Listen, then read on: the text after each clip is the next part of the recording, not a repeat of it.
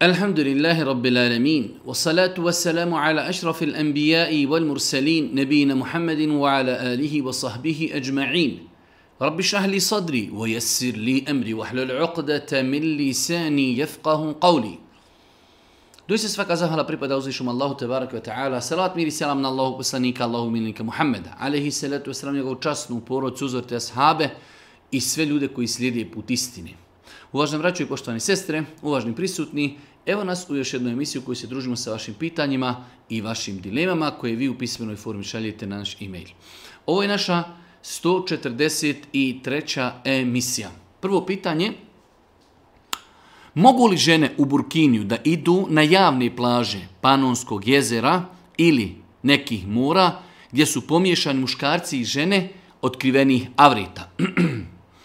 E, mnogo je osoba koji su nam u posljednjih nekoliko dana postavili slično pitanje u kojim se znači traži odgovor da li žena vjernica koja u Burkiniju pokrila je avrete može da ide na javne plaže gdje su pomiješani muškarci i žene, muškarci otkrivenih avrita, žene otkrivenih avrita, a ona u svemu tome je pokrivena. Allah Đeršanu najbolje zna ali e, ne mogu da shvatim da neko postavlja ovako pitanje gdje je stid.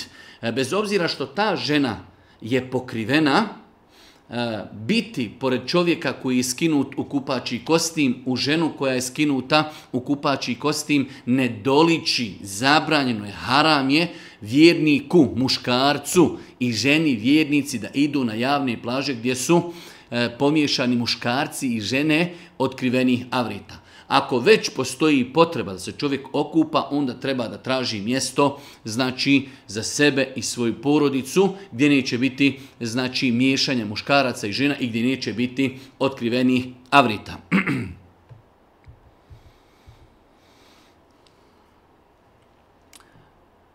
Zanima me stav o čestitanju nove hijđetske godine. E, pošto je ovih dana to pitanje aktuelno, više osoba je tražilo odgovor na to e, da li je dozvoljeno vjernicima da međusobno čestitaju nastupanje hijđarske godine. U svakom slučaju, e, to je pitanje u kojem treba da budemo tolerantni jedni prema drugima. Čestitanje e, novi godine, po mom nekom skromnom mišljenju, ne potpada pod pojam ibadeta. To je jedan običaj gdje ljudi jedni drugima jednostavno čestitaju nastupanje nove hijđarske godine, e, tako da ako to ne gledamo iz prizme ibadeta, ako Bog da nema tu ništa sporno kada je u pitanju samo čestitanje organizirati određene manifestacije, mevlude i slično. To mi, mi o tome ne govorimo. Govorimo samo o čestitanju da čovjek eh, određenoj osobi kaže eh, nastupila je godina, želim ti sve najbolje, molim Allah Žešanu da nas eh, učvrsti, da nam pomogne, da i tako dalje. Znači čestitanje, samo čestitanje, ako Bog da, ne bi trebalo da bude sporno.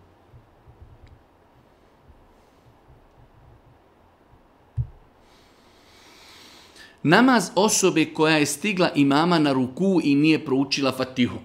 da li je validan namaz osobi? Došla je u džamiju da klanja u džematu, ali je okasnila i zatekla je imama na ruku. Stigla je da donese početni tekbir i stigla je imama na ruku prije nego što se imam vratio. Da li takva osoba može smatrati taj rekiat da je stignut? Može. Znači to je odrednica ako smo došli u džemat i okasnili smo ako uspijemo stići imama dok je on na ruku, znači imam je otišao na ruku i mi ulazimo u džamiju i kažemo Allahu ekber, donosimo početni tekbir, kažemo nakon toga drugi Allahu ekber tekbir za odlazak na ruku. Ako mi dođemo na ruku prije nego što se imam ispravi, taj rekiat možemo smatrati da smo stigli. E shodno mi. Ako smo stigli mama na prvom rekiatu, onda ćemo klanjati do kraja namaza. Ako je nešto od rekiata nas mašilo, onda ćemo to naklanjati nakon, nakon e, predavanja selama. Ali je pitanje, znači, da li možemo smatrati stignutim taj rekiat u koji mi nismo uspjeli stići e, učenje Fatihe. Ispravno je da smo stigli zato što postoji vjerodostojni hadis u kojima Allah poslanik alaih wasalam E, odobrio i potvrdio da osoba koja stigne mama na ruku da je stigla taj rekat. Četvrto pitanje, duži je pitanje jedne naše sestri koja je, kako je ona navela, već u nekim poznim godinama, e, pita da li je u islamu dozvoljena vantjelesna oplodnja, ali u slučaju da žena nije udata, da žena ode, ona je ovdje navela kaže e, postoje e, mjesta koja se zovu banke spermi, da ona uzme spermu od nekog muškarca i da se tom spermom e, desi i uradi van tjelesna oplodnja, putem koji će ona dobiti dijete. Da li je to ispravno? Apsolutno ne. Ko je otac tom djetetu? Iz znači očinstva u islamu proizilaze mnogi, ali mnogi propisi tako da, znači, vantilesna oplodnja, više puta smo govorili o vantilesnoj oplodnji, je dozvoljena samo u situaciji kada dolazi do oplodnje muževi tečnosti spermije i znači tečnosti njegove supruge. E, sve mimo toga, čak ovaj slučaj, znači kada žena nije udata, želi da ima potomstvo, ode tamo u neke, e, nazovimo je institucije ili neke prodavnice ili već gdje i uzmi spermu nekih muškaraca koji su oni tu ostavili, prodali ili već šta su radili i da se putem te sperme desi van tjelesna oplodnja za određenu ženu pa da ona na taj način dobije dijete, to je u islamu strogo, ali strogo zabrajno i ne treba se poigravati. tim, kao što i muškarcima strogo zabrajno da na takvim mjestima ostavljaju, daju ili prodaju svoju spermu. Peto pitanje, htio sam da postavim jedno pitanje, imam nije da pošljem da prodajem parfeme, ali u tim parfema se nalazi alkohol pa me brine da li mi je halal zarada od toga. U svakom slučaju ovo pitanje je jedno kompleksno savrš, e, pitanje savremenog doba. E, prodaja parfema u kojima ima alkohola zasniva se na tome da li je alkohol čist ili nije čist. Mi smo nekoliko puta u našim emisijama govorili da e, smo stava da alkohol je čist. S aspekta, znači da li postoji dokaz da ako se nama na ili na odjeću prospi alkohol, da li je to nečisto ili čisto? Ne postoji, Allah najbolje zna, jasan dokaz na osnovu kojih bi kazali da je alkohol nečist samim time osnova da, da su stvari u našem okruženju čiste dok ne dođe jasan dokaz da je nešto nečisto. Tako da ako kažemo da je alkohol čist, samim time dozvoljeno koristi parfeme u kojima ima alkohola, pošto znači e, to ne utječe na njihovu čistoću. Samim tim proizilazi iz toga da ako Bog da je i dozvoljena trgovina sa takvim parfemima. Svakako, Velik broj učenjaka je smatrao alkohol nečistim i samim tim su smatrali i zabranjeno prodavanje parfema u kojima ima velika količina alkohola. E, ja lično sam stava e, da alkohol nije nečist i samim time i dozvoljena je trgovina, dozvoljena je trgovina e, parfemima u kojima ima alkohola. Šesto pitanje, jedno malo duže pitanje u kojem čovjek kaže radi mu tri smjene, jednu sedmicu prva, jednu druga, a jednu treća. Treća smjena završava u šest ujutro, to jeste kada je sabasko vrijeme već prošlo. I znači pitanje je da li se u takvim slučajevima može klanjati sabah kada se dođe kući. Znači čovjek radi tri smjene, prvu, pa drugu, pa treću. Treća mu smjena završava u šest ujutro, a već sabasko vrijeme je završilo. E, šta u takvoj situaciji? Rat u takvoj situaciji je obaveza klanjati namaz na poslu znači od momenta ne znam, shodno vremenu i prostoru u kojem čovjek živi, od pojave zori do eh, izlaska sunca obaveza je čovjeku da nađe nekih pet minuta, da se negdje skloni, eh, znači ako ništa, minimalno klanja samo dva rekeata farza, ako Bog da sunnete može klanjati i kada dođe kući. Tako da, znači vjerniku je obaveza za sebe i svoje poslove, znači i bilo koje druge obaveze organizira shodno namazu i da znači prihvata samo posao na kojem može redovno obavljati e, farz namaze.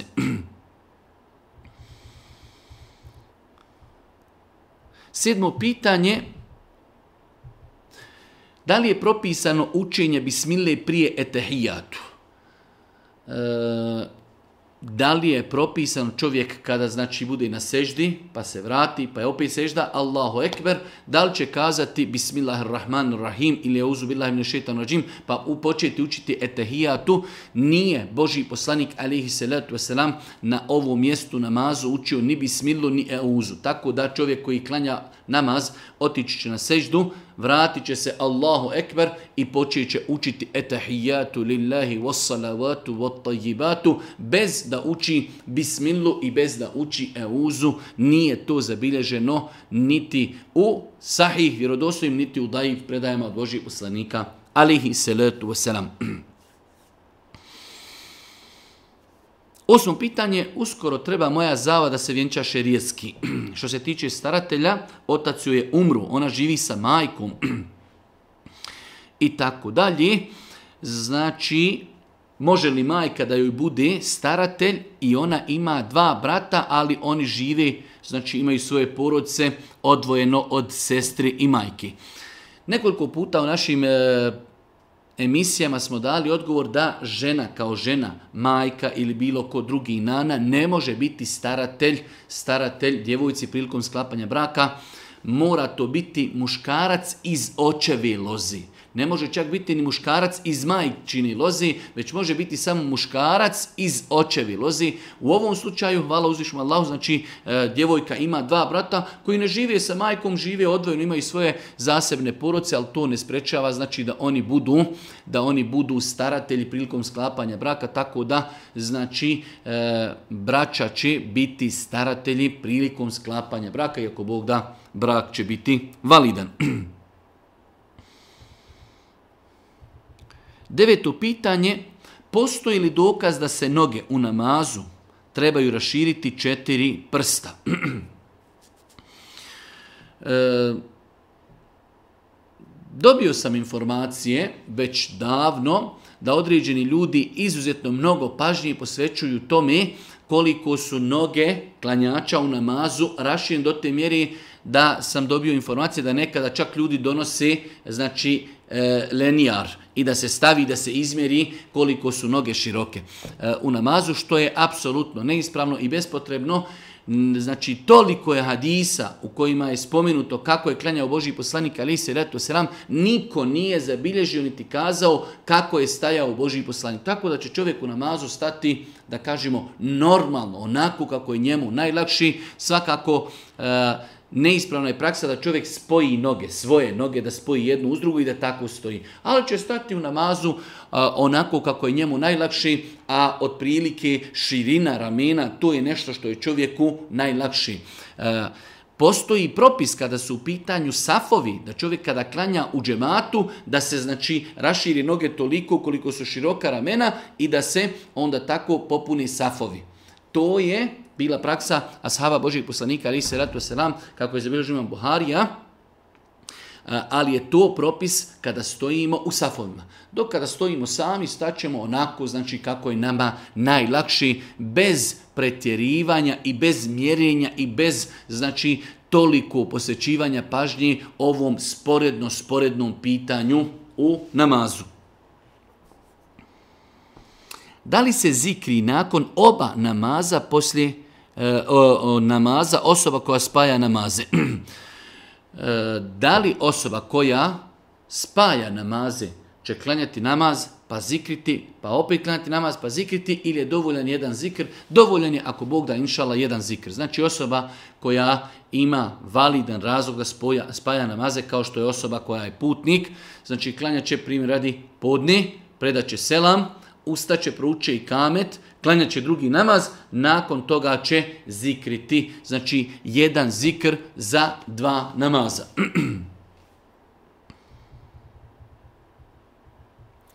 Kako će stati u namazu dvije osobe koje klanjaju u džematu? Kada je u pitanju namaz u džematu, znači, rekli smo, ah, da ako ima više osoba, one će se redati za imama. Ali ako je imam i sa njim samo klanja jedan džematlija, kako će njih dva stati? Hoće li imam biti malo naprijed ili će stati u istu liniju? E, ovo je jedno od pitanja u pogledu kojeg islamski učenjaci imaju različite stavove. Lično sam stava da imam i džematlija trebaju da formiraju saf, da budu u istoj ravni. Iako, znači treba da znamo da je e, velik broj učenjaka smatrao da imam, iako su njih samo dvojica, treba da bude malo ispred džematlije, muktedije. Ja lično sam stava da, znači, ako dvojica ljudi samo klanjaju, nemaju trećeg, ako imaju trojica ljudi, onda će dvojica stati iza imama, imam će biti ispred. Znači imam u jednom safu, oni u drugom. Ali govorimo o situaciji kada imamo samo imama i jednog čovjeka džematlju ili muktediju. E, ja sam stava da trebaju da stanu u istu liniju, da napravi jedan saf, a velik dio učenjaka je smatrao i kada dvojica ljudi klanjaju imam će se malo pomaketi da se jednostavno time dobije to imamstvo da bude on malo naprijed. Znači ne treba u pogledu tog pitanja mnogo zatezati, ne postoje jasni argumenti E, znači sve su tu ičtihadi, pokušaj na osnovu određenih i e, indirektnih dokaza da se dođe do odgovora na ovo pitanje, a ja lično sam stava da treba da stanu u istu ravan.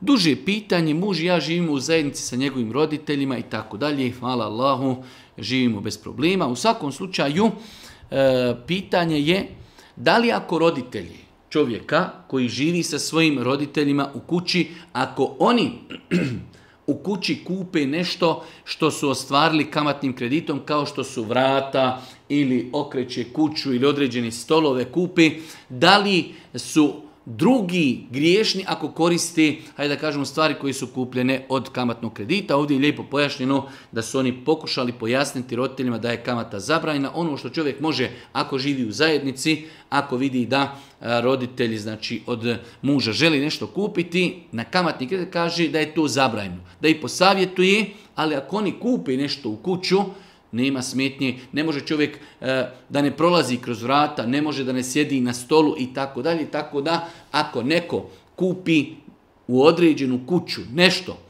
putem kamatnog kredita, on je griješan što je to tako uradio, a ostali neće biti griješni ako koristi takvu stvar. 13. pitanje, šta se uči na prvom rekiatu dženaze namaza? U pogledu ovog pitanja postoji također veliko razilaženje kod islamskih učenjaka. E, lično sam stava da čovjek kada klanja dženazu namaz treba da na prvom rekiatu nakon tekbira Allahu Ekbar da uči fatihu. Iz dva razloga. Zbog općenitosti dokaza Božih poslanika la salate li men lem jaqara bi fatihatel kitab nema namaza onome ko nije proučio fatihu. Tako da to je prva stvar. Druga stvar, imamo jasnu predaju od Ibnu Abbasa radijallahu ta'ala da je on učio Fatihu u dženazi, nekada bi je učio čak i na glas. Kada bi ljudima, znači kada bi klanjao dženazu, on bi, on bi učio Fatihu malo na glas, pa kada su ga pitali zašto to radite, zašto to radiš, odgovorio bi da znate, da vas podučim da je ovo sunnet. A riječ ovo je sunnet, Znači, e, u terminologiji ashaba je značila ovo je praksa Božih poslanika. Tako da ne moramo kazati da je to vađib, da je to rukn, ali minimalno što možemo kazati na osnovu ovih riječi Ibn Abbas radijallahu ta'ala jeste da je to bila praksa Božih poslanika, to nam je e, znači spomenuo Ibn, Ibn Abbas, kaže želio sam da vas podučim da je to sunne, da je tako radio Božji poslanik. Tako da insan kada klanja dženazu nakon prvog, rekija, nakon prvog tekbira će učiti, znači učit će fatihu. četrnaest pitanje, da li je dozvoljeno izdvajanje zekijata unaprijed? Nekada se desi situacija da čovjek ima potrebu da izdvoji zekijat unaprijed. Primjer radi, možda čovjek treba tek prvog šestog da izdvoji zekijat, ali u februaru mjesecu vidio je određenu porodicu koji su sirotinja u potrebi je time e, čovjeka bolesnika, želi da da nešto novca, ali želi da to uračuna u svoj zekijat. Može li? Može. Nije obaveza, zekijat je obaveza onog momenta kada imetak pregodini. Ali ako to čovjek uradi dobrovoljno, neobavezno, i ako to zanijeti, mora tada zanijetiti da je to zekijat, onda je to, ako Bog da, ispravno i smatra se zekijatom. Neispravno je da čovjek dadne neku sadaku, poslije dođe kući i kaže, e, mogao sam to računati od zekijata. To je neispravno. Moralo je se to namjeravati, nijeti onda kada se izdvaja. Prilikom izdvajanja, ako se na nijeti, zekijat se može dati i ranije. Ali, rekli smo, nije obaveza. Ako bi rekli da neko mora davati zekijat prvog, šestog, u toku februara mjeseca vidio je nekog ko je potreban, njemu nije obaveza da izdvoji zekijat. Ali, ako čovjek želi, izdvojit će zekijat, nanijeti će zekijat, da će i to se smatra njegovim zekijatom.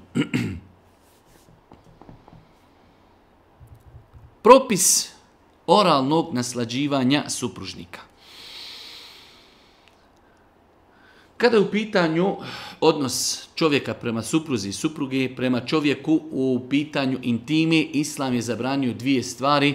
Zabranio je analni način znači naslađivanja e, i zabranjeno je da čovjek ima intimni kontakt sa suprugom dok je u hajzu ili dok je u nifasu. To su dvije jasno zabranjene stvari, znači da čovjek ima e, intimni kontakt sa suprugom u analni otvor, i da ima intimni kontakt sa suprugom u periodu hajza ili nifasa, krvarinja.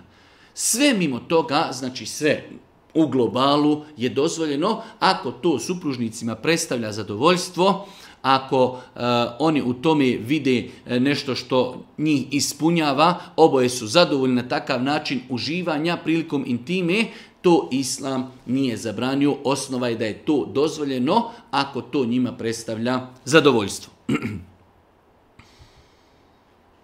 Esselamu alaikum, slušala sam pitanje o e, zadojenom djetetu, da je to dijete isto e, kao dijete majke koje je rodila. Zanima me, da li to dijete koje je zadojilo ima ista prava e, u nasljeđivanju i metka kao i druga djeca? Znači, pitanje je, ako žena zadoji određeno dijete pet puta, ona postaje njemu majka. Ono postaje njeno dijete po mlijeku. Ako bi ta majka umrla ili ako bi dijete umrlo, da li njega njegova majka po mlijeku nasljeđuje ili da li ono nasljeđuje svoju majku po mlijeku? Ne. Znači propis e, po mlijeku eksplicitno se vezuje za mahremstvo. Vezuje se znači da ta žena može se pred njim otkriti, on je njoj mahrem, ona je njemu majka, može je vidjeti bez mahrami, može sa njim putovati, može se sa njim poselamiti. Znači samo propisi vezani za mahremstvo, a ne a ne za nasljedno pravo. Ako žena znači zadoji neko dijete, to dijete postaje njeno dijete po mlijeku, sva njena rodbina od njene djeci, njena djeca postaju njemu braća i sestre, njen muž njemu postaje otac po mlijeku i tako dalje, ali se sve to odnosi samo na mahremstvo, ne odnosi se na nasljedno pravo. Esselamu alaikum, da li se smatram putnikom ako putujem na more? I da li mogu koristiti olakšice za nama sve dok se ne vratim kući? E, ljeto je, aktuelan je odlazak na mora. Pitanje da li čovjek prilikom odlaska na more e, može koristiti olakšice putovanja? E, imamo tu dva momenta. Prvi moment je čovjek treba da bi bio musafir da putuje više od 80 km. Ako neko ide na more, da je relacija od njegovog mjesta boravka do mora dalje od 80 km, on se može smatrati musafirom. Postoji jako razilažen kod učenjaka da li čovjek ako ide na neko putovanje da čini harame, da li može koristiti olakšice ili ne? Samim tim čovjek namore, da li će biti na javnim plažama ili ne, ali e, bez obzira, ja sam stava da čovjek e, kada god putuje dalje od 80 km, on ima pravo da koristi olakšice putovanja, znači e, od tri dana potiranje po mjestvama, ako je Ramazan ne mora postiti, kad su u pitanju namazu, ima pravo da krati namaze, a ako ima potrebu na putovanju ima pravo i da iskrati, a i da spoji namaze. To su olakšice koje Allah Đelšanu općenito dozvolio ljudima kada su na putu bez bilo kakvih klauzula, tako da ostaje jedini uvjet da čovjek može koristiti olakšice putovanja da putuje dalje od 80 km. Ako putuje na more, i more gdje putuje dalje od 80 km od mjesta gdje on boravi, on ima pravo da koristi olakšice putovanja. isto pitanje, da li je sramota da se držim sa suprugom za ruke kada smo na polju? Ali ne bi li znao ovo pitanje se vraća na običaj jednog naroda, koliko mi je poznato da u našem narodu ljudi ne smatraju e, nečim lošim niti nekom sramotom da osoba e, svoju suprugu drži za ruku i da zajedno šetaju. Tako da ne vidim u tome ništa spornost aspekta islama, niti s aspekta. S aspekta islama to je njegova supruga, ima pravo da je drži za ruku. S druge strane, društvo, e, možda u nekim društvima, drugim, e, znači se to i smatra znači, prihvatljivo ili neprihvatljivo. U našem društvu, u našem podneblju, e, nije mi poznato da naše društvo na loš način gleda to da čovjek prilikom izlaska iz kuće, znači sa svojom suprugom šeta vodeći se za ruku. Tako da e, s jedne strane to po meni ukazuje e, na harmoniju, na ljubav, na respekt među supružnikima, da jednostavno šetaju, drže se zajedno za ruku, e, ali isto tako rekli smo, nije mi poznato da to u našem društvu smatraju da je neka sramota ili da je to neka mahana, da je nešto što ne doliči, tako da e, stava sam da nema smetnje da čovjek prilikom izlaska iz kuće e, u šetnji ili negdje drugo da drži svoju suprugu za ruku. 19. pitanje, Slučajno sam pregazio mačku na put. Pokušao sam da je izbjegnem. Naravno, nije mi bila namjera da li sam griješan po tom pitanju, ima li kakav iskup. Osoba koja na ovakav način e, ubije neku životinju. Nekada je u pitanju mačka, nekada je pas, nekada je e, neka divlja životinja i tako dalje. E, da li insan u takvim situacijama je grešan? Apsolutno ne. Znači čovjek sve što u islamu uradi u grešci, iz nehata, pogriješio, iz neznanja, to u islamu znači se ne smatra grijehom, tako da čovjek treba da bude pažljiv kada vozi, e, ali ako se desi da jednostavno nije vidio, noć je, e, životinja je sama podletla pod auto, u takvim slučajevima insan ne treba time da se opterećuje. Naš narod e, pogotovo se opterećuje kada su u pitanju mačke, pošto postoji određena sujevjerja da to čovjeku donosi neku nesreću i tako dalje u budućnosti, što nije apsolutno tačno. Znači čovjek kada vozi auto ili bilo što drugo, treba da bude pažljiv e, da ne bi dolazilo do takve situacije, ali ako se desi da je nenamjerno udario neku životinju i ta životinja od toga znači e, umri, znači insan niti je griješan, niti ima za to neki iskup. Esselamu alaikum, uvaženi.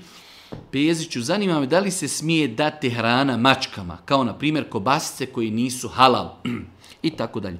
Duže jedno pitanje, ali e, rezime pitanja je e, ako određena hrana ljudima nije dozvoljena, kao što je svinjetina ili meso koje nije zaklano na halal način, da li mi to meso smijemo dati životinjama? Apsolutno da. Zašto? Zato što e, životinje ne potpadaju pod šerijatske naredbe i zabrane to meso je zabranjeno onima koji razumiju zabranu. Zabranjeno je čovjeku, bio on musliman ili nemusliman.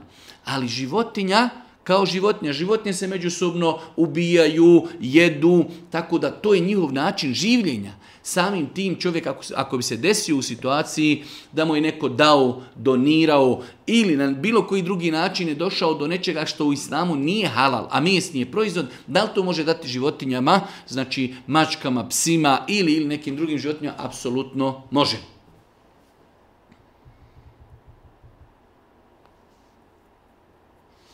Jedno baš duže pitanje, opet ljeto, ljetna pitanje, situacija. Htio bih da pitan kakvi su propisi u vezi gusula i abdesta kada je u pitanju more. E, znamo da, nažalost, mnogo ljudi u moru vrši e, malu nuždu. E, i tako dalje. I sada je pitanje da li čovjek ako se nalazi na moru ili velikoj ogromnoj rijeci, ako je neko urinirao u, u rijeku ili more, da li zbog toga ne može da abdesti ili da se okupa od džunupluka na moru? E, odgovor je po konsenzusu islamskih učenjaka. Ako imamo veliku količinu vode, a velike količine vode znači e, sigurno su rijeke i mora, to su velike količine e, vode, ako u tu količinu vode padne nešto što je nečisto i ne primijeti se na toj vodi da je promijenila bilo kakvo svojstvo, niti miris, niti boju, sa takvom vodom je dozvoljeno uzeti gusul i abdest mi govorimo s aspekta islama, da li će to neko urati ili ne, da li će neko otići u hotel pa abdestiti ili ne, ali e, govorimo s aspekta islama, da li more, kada dođemo na plažu od 150 ljudi koji se kupaju, neko je možda urinirao u vodu, da li samim time ta voda postaje nečista? Ne. Ta voda s aspekta islama, sve dok ima znači svoje osobine, nije promijenila miris, nije promijenila boju, izgled, sa tom vodom je dozvoljeno uzimati i gusul i abdest.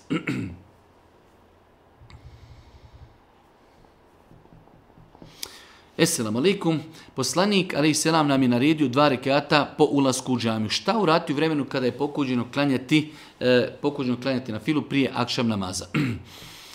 u svakom slučaju ovo je jedno od pitanja u pogledu kojeg islamski učenjaci imaju različite stavove. Lično sam stava da E, prilikom ulaska u džamiju čovjek uvijek treba da klanja dva rekiata. Vremena u kojima je Boži poslanik Ali se nam zabranio klanjanje na file odnosi se na opću na filu. Opća na fila je, primjer radi, e, nakon ikindije da čovjek dođe u džamiju i kaže o mi je, idem da klanjam na filu. To je ono što je zabranjeno. Ali čovjek došao u džamiju, Boži poslanik jasno kaže kada neko od vas uđe u džamiju neka ne sjeda dok ne klanja dva rekiata. To je nama s povodom. Kada god imadnimo povod, mi možemo klanjati. Kao što dva rekiata tavafa nakon, e, dva rekiata nakon tavafa. Kada god čovjek tavafi, bez obzira bilo to vrijeme zabrani ili ne, on ima mogućnost zaklanja dva rekiata. Tako da namazi koji imaju svoje povode ne potpadaju pod zabranu u kojoj Boži poslanik zabranio klanjanje opće na file. Tako da Znači, ako čovjek i prije akšama uđe u džamiju, znači nema smetnje da klanja dva rekiata, pozdrav džami, tahijetul mesđid.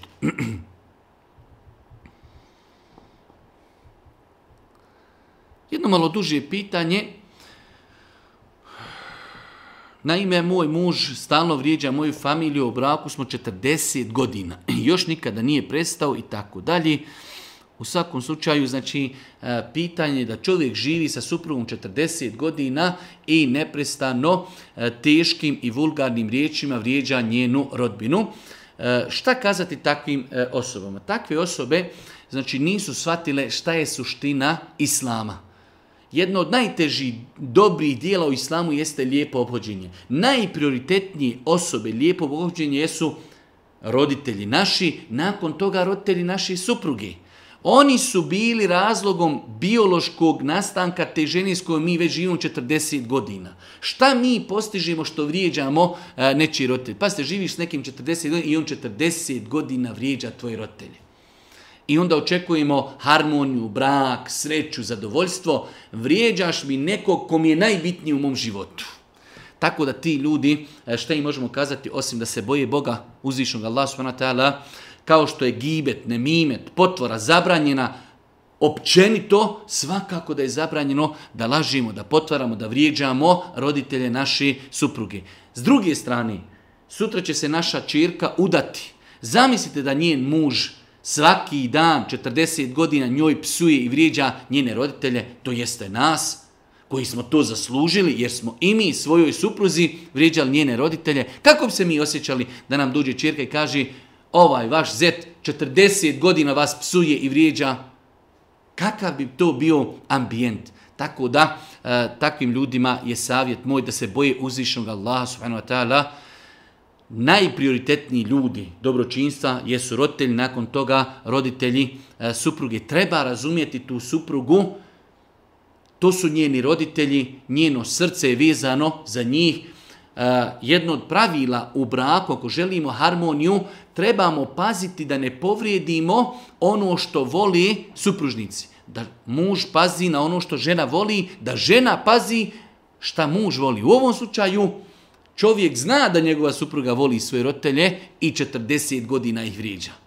Gdje je to od islama, gdje je to od razuma, gdje je to od ljudskosti?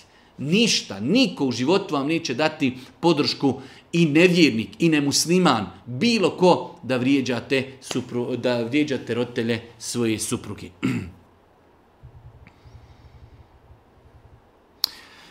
Žena od mog brata je trudna, eh, osmi mjesec i kazali su joj da nosi muško dijete. Prije neko vrijeme je sanjala kako treba da da sinu ime taj i taj pa sam htjela da pitam da li je taj san bio običan san ili je znak da se djetu mora dati to ime.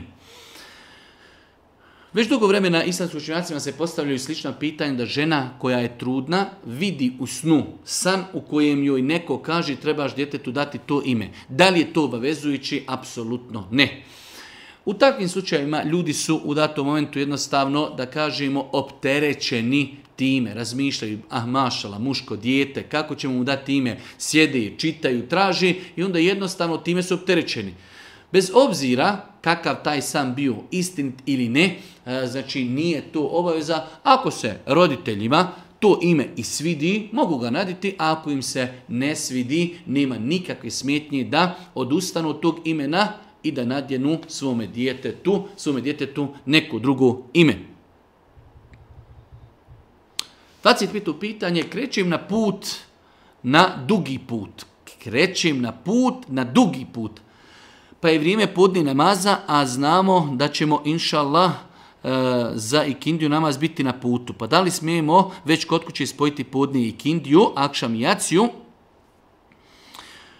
E, kaže i na kraju, jer ženi nije dozvoljeno klanjati vani, a farz namaz ne možemo klanjati u autu.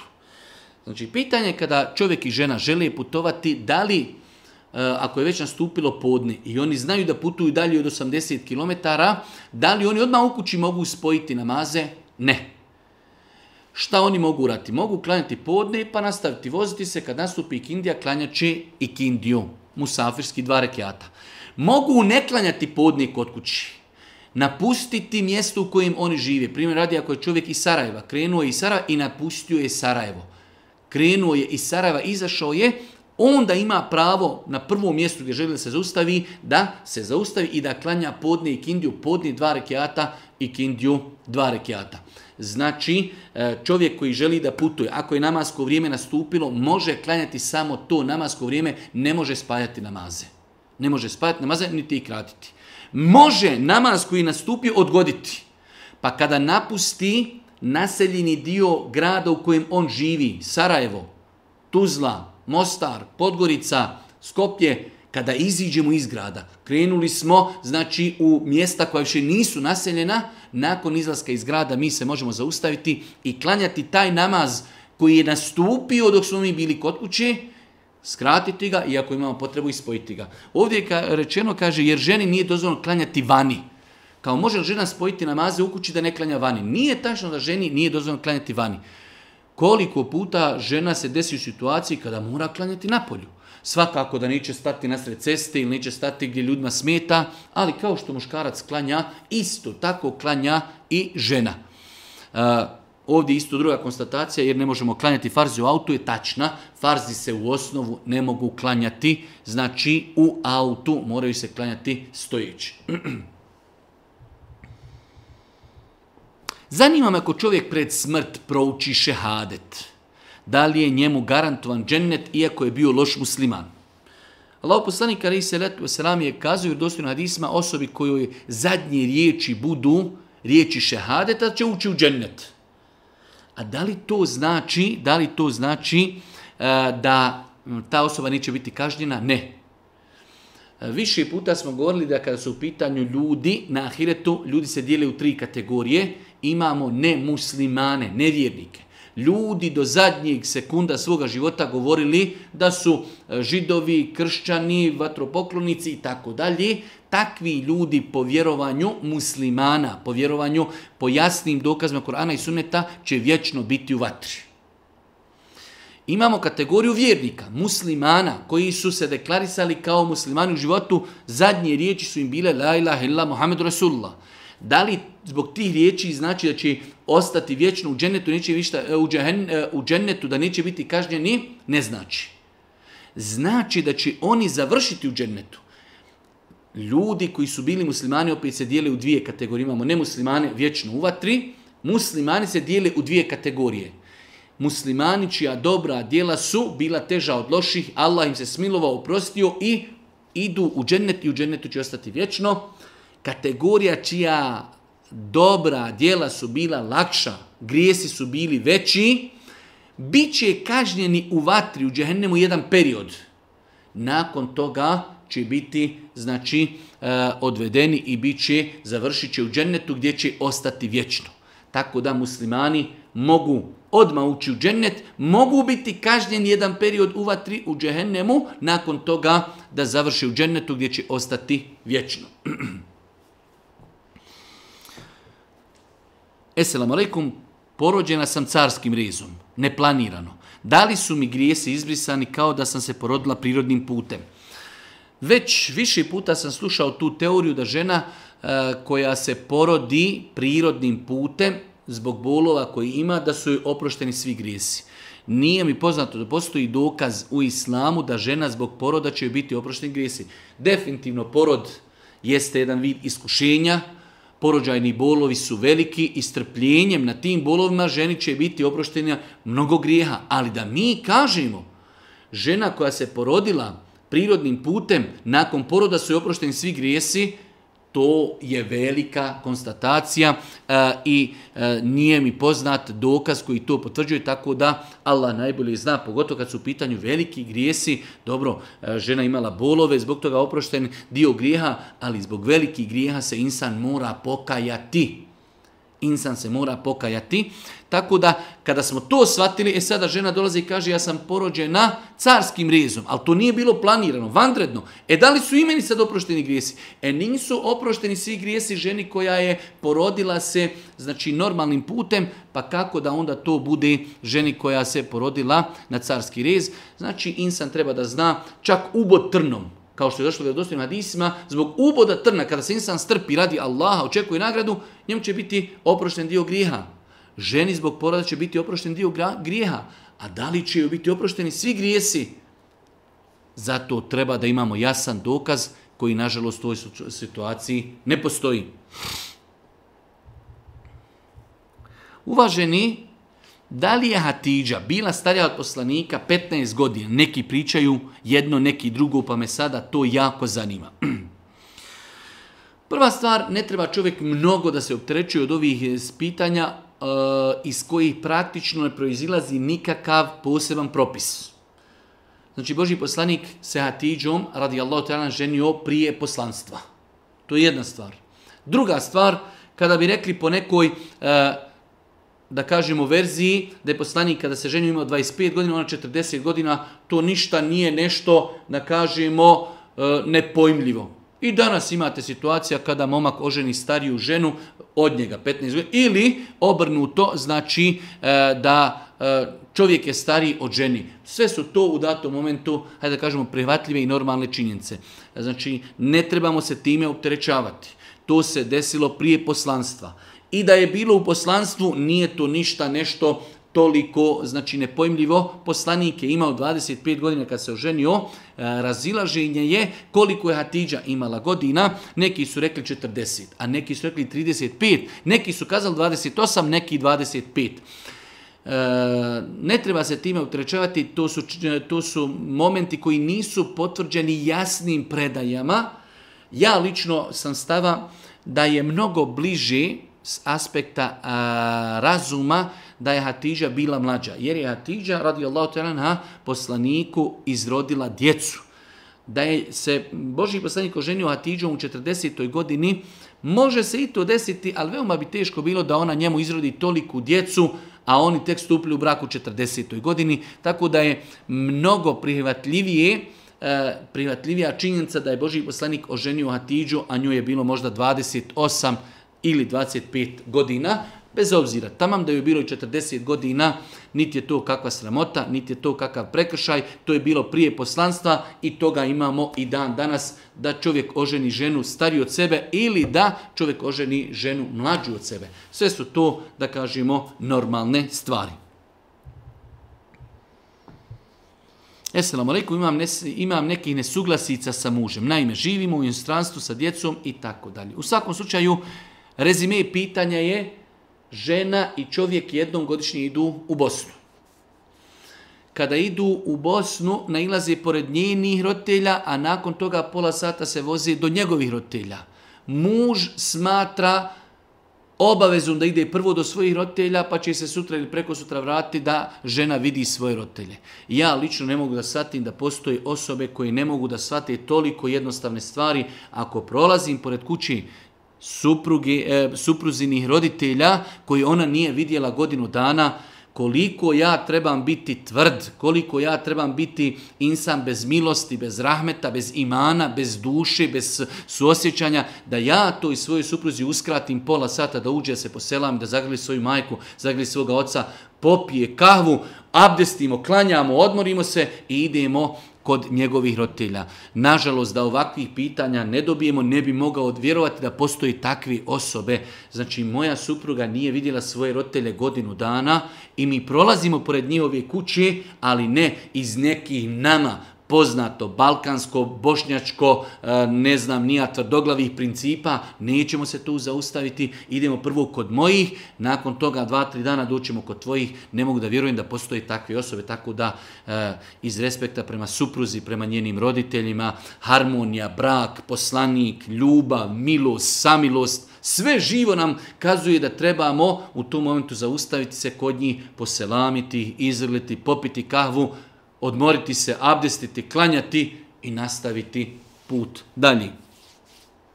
Eselamu alaikum, farbam bradu, ali pošto je malo rijeđa, pa kada sperim tu masu koju nanesem, ostane boje po koži. Da li mi je ispravan abdest? Znači imamo ljude koji e, farbaju bradu e, masom kani koji stavljaju na bradu, nakon toga skinu tu masu, ali ostane e, boja kani na tijelu, znači odakle je nikla brada. Da li to sprečava validnost abdesta? Ne. Znači sama kana kada se stavi i kada se ukloni masa, ona boja koja ostaje na koži, ona ne sprečava dolazak vode do tijela i samim tim i abdest i gusul su validni. Ono što je bitno da ne ostaje nikakva masa kao što je lak na noktima koji sprečava dolazak vode do znači tijela i samim tim abdest preko nalakiranih nokata nije ispravan. Za razliku od kani koju kada stavimo i sklonimo, ostaje boja, ali nema nikakve, nema nikakve masi. 31. pitanje, da li unuka bez mahrami može biti pred svojim djedom? Apsolutno da.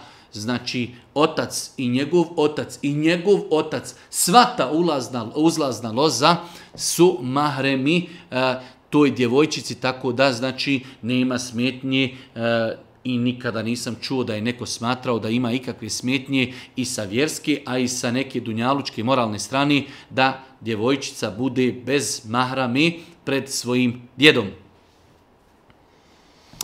Zanima me da li mogu da zikrim dok dojim bebu, pošto kada su avreti otkriveni, meleke odu od nas i tako dalje, i onda još nastavak i kada krenim spavati, da li je meni e, da zikrim, pošto čovjek spaljava nekada u odjeći, nekad bez odjeći i tako dalje. Nema smetnje da žena zikri u periodu dok doji dijete. Znači, e, dijete nekada doji 3 minuta, 5 minuta vrijeme, e, znači u kojem e, žena provodi taj period i tekako je lijepo da iskoristi, da zikri, da veliča Allaha te barake ta'ala, da zahvaljuje što je podario zdravlje, dijete, da zikri, da uči Kur'an, nema nikakve smetnje, kao što nema nikakve smetnje da insan pred spavanje zikri, veliča Allaha, pa makar bio i u nekoj kraćoj odjeći, pa makar bio i bez odjeći, nema ništa sporno s aspekta šerijata da čovjek zikri pred spavanje, pa makar bio znači i u nekoj kraćoj odjeći, isti propis važi i za ženu. Molim Allah subhanahu wa ta'ala da nam podari korisno znanje, molim ga subhanahu wa ta'ala da nam bude milostiv na sudnjem danu. Subhaneke Allahumma ve bihamdike, ešhedu en la ilaha ila ente, estagfiruke wa etubu ilaik.